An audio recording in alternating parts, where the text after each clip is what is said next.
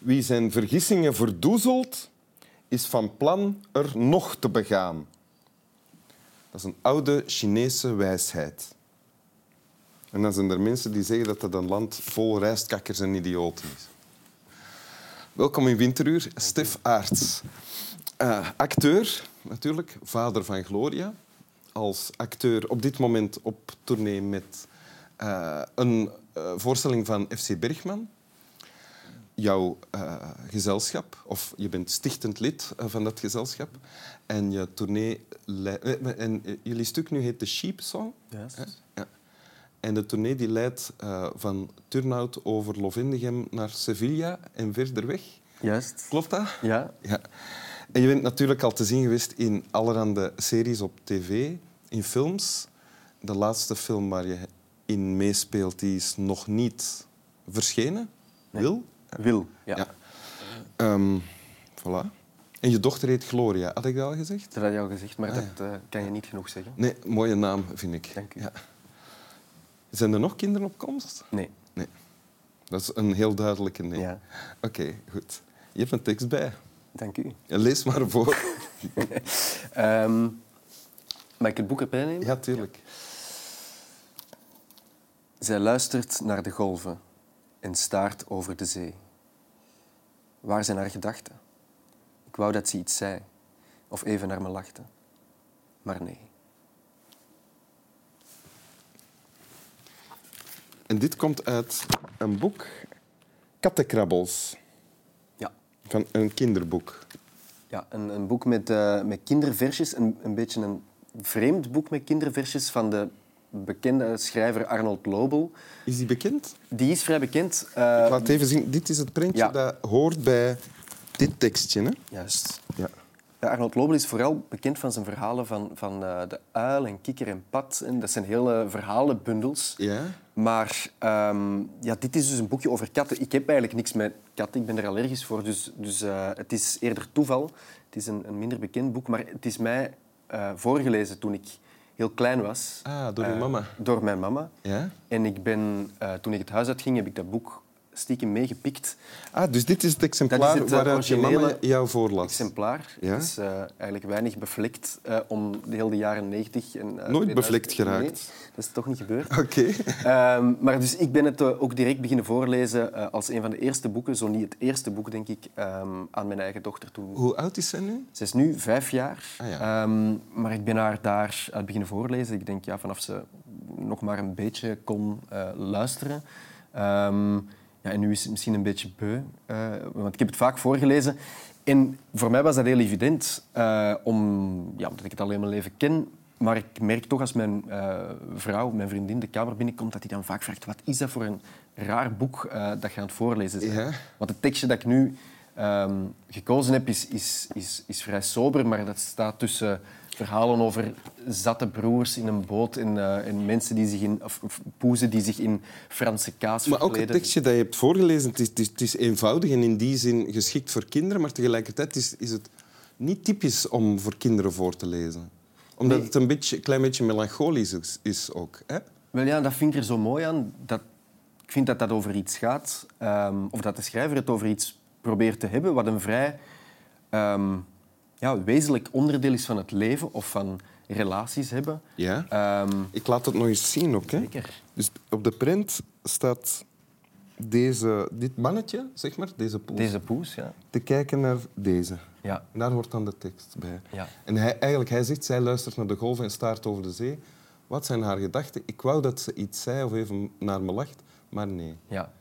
En het leuke aan de print vind ik dat die zo rustig gewoon van op een afstandje zit te kijken. Ja, dat vind ik dus ook heel mooi. Dat er, geen, er lijkt niet echt een conflict te zijn. Want als je alleen de tekst zou lezen, dan, dan lijkt alles een beetje helaas of zo. Mhm. um, maar vanuit de print, of de combinatie met de print, blijkt dat, het, um, dat, de, dat de situatie eigenlijk heel oké is zoals ze is. Namelijk, die vrouw die is, ja, die is duidelijk ergens ver weg met haar gedachten. En ik denk dat het hem misschien wel frustreert, de, de, de, de mannetjespoes, uh, dat hij daar niet bij kan. Maar hij maakt ook geen aanstalten om die situatie uh, te verbreken of om daarin in te grijpen. Nee, hij zit daar een beetje met een, met een uitgestreken gezicht wat te wachten tot ze daarmee klaar is. Uh, En hij zou wel willen dat ze iets zei of dat ze naar hem zou lachen, Ja. maar nee.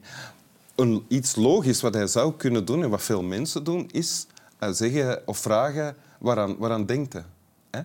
Voilà. Maar dat is mooi dat hij dat niet doet. En ik denk dat dat over iets heel, ehm, ja, over iets heel wezenlijk gaat, namelijk dat, dat het de onmogelijkheid om helemaal in elkaar op te gaan, zelfs in een liefdesrelatie of in eender welke relatie, om je kunt heel dicht bij elkaar zijn, maar het echt in elkaar opgaan, zoals je dat soms zou willen, zeker als je eh, in de begindagen van je verliefdheid of zo, dan, dan, dan wil je echt met elkaar kunnen versmelten, maar dat is nooit helemaal mogelijk. En misschien is, dat, is de aanvaarding daarvan wel... Ja, misschien is dat wel iets En wat dat- op liefde kan duiden. Is dat dan iets dat de vijfjarige Stef Aarts al trof en herkende toen? Waarschijnlijk niet. Maar ik weet wel dat het mij... ehm, want er staan veel, veel mooie verhaaltjes en printjes in, maar ik weet wel, er zijn er zo een paar en dit is er één van. El- Telkens als je op die pagina aankomt, zowel als kind als als bekijker ervan, of als toehoorder en nu ook als voorlezer, een pagina die je omslaat en waar je denkt, ah, hier ben ik weer, ik mag het weer voorlezen. Of ik mag er weer naar luisteren. En ik voelde me daar altijd, weet ik, ehm, toen al heel eh, aangenaam bij, heel prettig. En tegelijkertijd Ah, ja. vond ik ook dat het iets heel melancholisch had. Ja. Maar evengoed ook iets heel vredigs. En dat gevoel, en daarom heb ik het ook meegebracht naar hier, is eigenlijk heel ongewijzigd gebleven eh, in die 35 jaar dat ik eh, besta. Want ben je daar dan goed in? In iemand anders zien en dan is het besef van ik kan die nooit helemaal... Ik kan dat niet in, ik weet niet wat er in dat hoofd omgaat, maar ik zou dat eigenlijk wel willen weten. En zo. Nee, ik Om het dan gewoon te laten? Nee, nee, nee. nee. Ik- Het is natuurlijk, dat is misschien de grootste verandering met, met ouder te worden. Komt je vaker in dat soort van situaties terecht, dat je iemand echt wil begrijpen en, en, en er niet bij kunt en zo. Dus ik ken de frustratie heel goed. Maar wat ik bijzonder vind, is dat ik, zeker als kind, mij nooit per se eh, identificeerde met alleen maar de ik-figuur. Met de, met Ah, de je bent niet alleen maar de poes. ik ben, Enfin, de zittende ik ben poes. bij de poezen, denk ik. Ah, ja. Of ik was bij de poezen. Ja. En dus ik voelde, mij, ik, ik, ik voelde mij ook heel erg verwant met die vrouw. Dus ik vond altijd, hoewel het vanuit, duidelijk vanuit een beschouwende ik-figuur beschreven is, vond ik het ook altijd heel erg over die vrouw gaan. En ik snapte haar ook heel erg, want zij lijkt ook afwezig, eigenlijk totaal niet... Er is geen, geen, geen conflict. Zij lijkt zich niet bewust van die eh mannetjespoes achter haar en zij is helemaal in gedachten. En dat snap ik ook heel erg. En ik dacht, ah ja, fijn, leuke situatie, gewoon even lekker blijven kijken tot wie weet hoe lang. En hij denkt, ja, ik zit het gewoon uit. Ja. De neiging die ik soms kan hebben... Ja. Ik kan, ik, soms kan het gevoel, het frustrerende gevoel van... Ah, ik kan niet in andere mensen hun kop kruipen of zo... Kan, kan eh, eh, zo groot zijn dat ik dat fysiek moet uiten. En hoe is dat? Ik ga dan op, in, in iemand zijn been beginnen nijpen of die aanvallen of bij zijn haar pakken en heen en weer schudden. Ken je dat? Ik ben daarmee gestopt, omdat dat sociaal onwenselijk bleek. Oh. Nee, natuurlijk. eh, ik denk dat, dat ook, ook dat is ouder worden, dat je daar na een tijd je wat in schikt. En ook eh, beseft dat dat, ehm, dat dat niet per se erg is. Dat dat niet, dat dat niet... Alleen daar, dat vind ik dus zo ongelooflijk, dat in een, in een kinderversjesboek dan een schrijver daar probeert iets over te vertellen, over dat het echt heel oké is om ieder apart te laten met zijn eigen gedachten en dat dat ook schoon is en dat dat eigenlijk, daar hoeft geen conflict in te zitten. Nee, nee.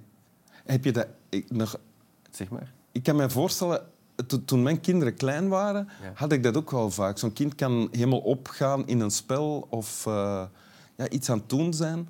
En je wilt echt eh, meedoen of erbij zijn of, eh, en dat dan laten doen. Lukt dat? Bij Gloria?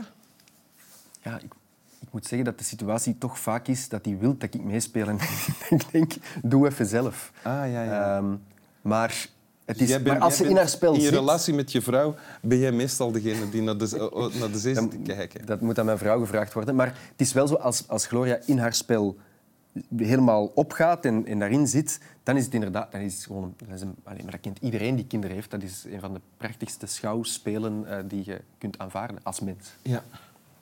Wil je het nog eens voorlezen? Heel graag.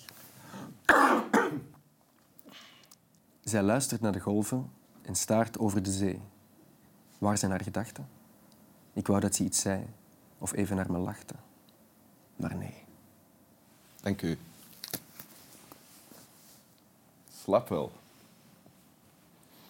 Ik deed deze alsof ik niet op het woord slaap wel kon komen. Maar ik wist het goed genoeg. Showbiz, hè? Showbiz.